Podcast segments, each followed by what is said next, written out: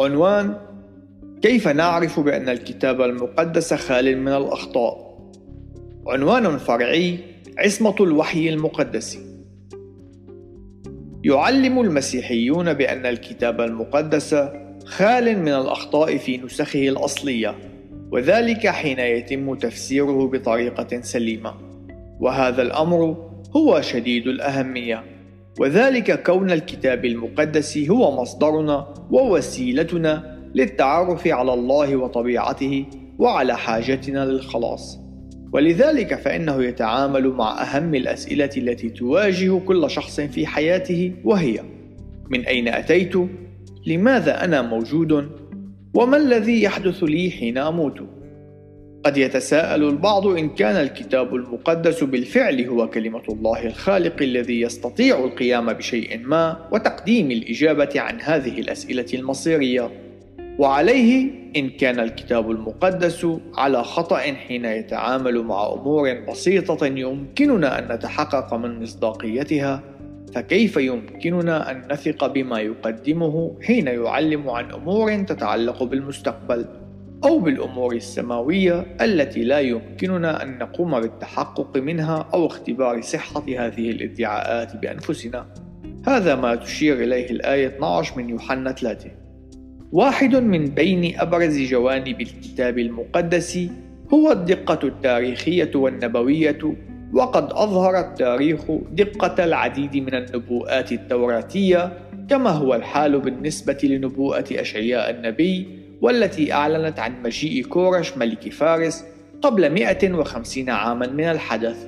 هذا ما يرد في أشعياء 45 كما أن الادعاءات التاريخية التي تقدم في الكتاب المقدس قد تثبتت من خلال العديد من الاكتشافات الأثرية مثل اكتشاف عاصمة ضخمة للحثيين وهم من الأقوام القدماء الذين ورد ذكرهم في الكتاب المقدس إلا أنهم قد اعتبروا سابقا خرافة أو أسطورة وذلك لغياب الأدلة المادية لوجودهم وكنتيجة لهذا النوع من الاكتشافات فإن الكتاب المقدس يوسم بأنه أكثر الكتب التاريخية دقة وذلك على المستوى العالمي.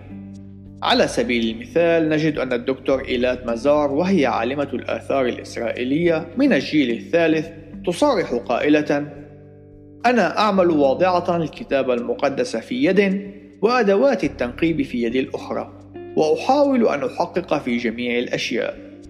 تجدر الإشارة أيضا إلى أنه من المهم الانتباه إلى كون التعليم عن عصمة الكتاب المقدس ينطبق حين يتم تقديم التفسير السليم للنص مع مراعاة طبيعة النص وأسلوبه وسياقه الأدبي، أي حين يتم تفسير الأقسام الشعرية بطريقة شعرية، وتفسير السرد التاريخي على أساس أنه سرد تاريخي، وهلم جرى. حينئذ سوف لن نجد أي انطباع بوجود الأخطاء في الكتاب المقدس. كما أنه يجب علينا الانتباه أثناء قراءة الأشياء التي تحاول أن تنقض الوحي المقدس. فإنه أمر سهل أن يتم انتزاع آيات وتصريحات للرب يسوع المسيح خارج سياقها. فنحن لا نستطيع أن نقول بأن الكتاب المقدس يعلم بأنه ليس إله بالرغم من أن هذه الكلمات موجودة في النصوص المقدسة خمس عشرة مرة. والسبب هو أن السياق الذي ترد فيه الآية يقول بخلاف ذلك. فنقرأ في التثنية 32 39 أنا أنا هو وليس إله معي. وكذلك في المزمور 14 واحد. قال الجاهل في قلبه ليس إله. وكذلك نجدها في رسالة كورنثوس الأولى 8 4 وأن ليس إله آخر إلا واحدا. إن انتزاع الآيات من سياقها هو أمر حاول العديد من الأشخاص أن يقوموا به لسنوات طويلة فلا يوجد أي شيء جديد في ذلك إلا أن التحليل الأمين للنص سوف يظهر أنه وبالرغم من أن الكتاب المقدس قد تم نسخه على مدى السنوات وقد جرت ترجمته إلى العديد من اللغات لا تزال الصورة الكاملة التي ينقلها أمينة ومتسقة مع طبيعة الله ومشيئته للجنس البشري.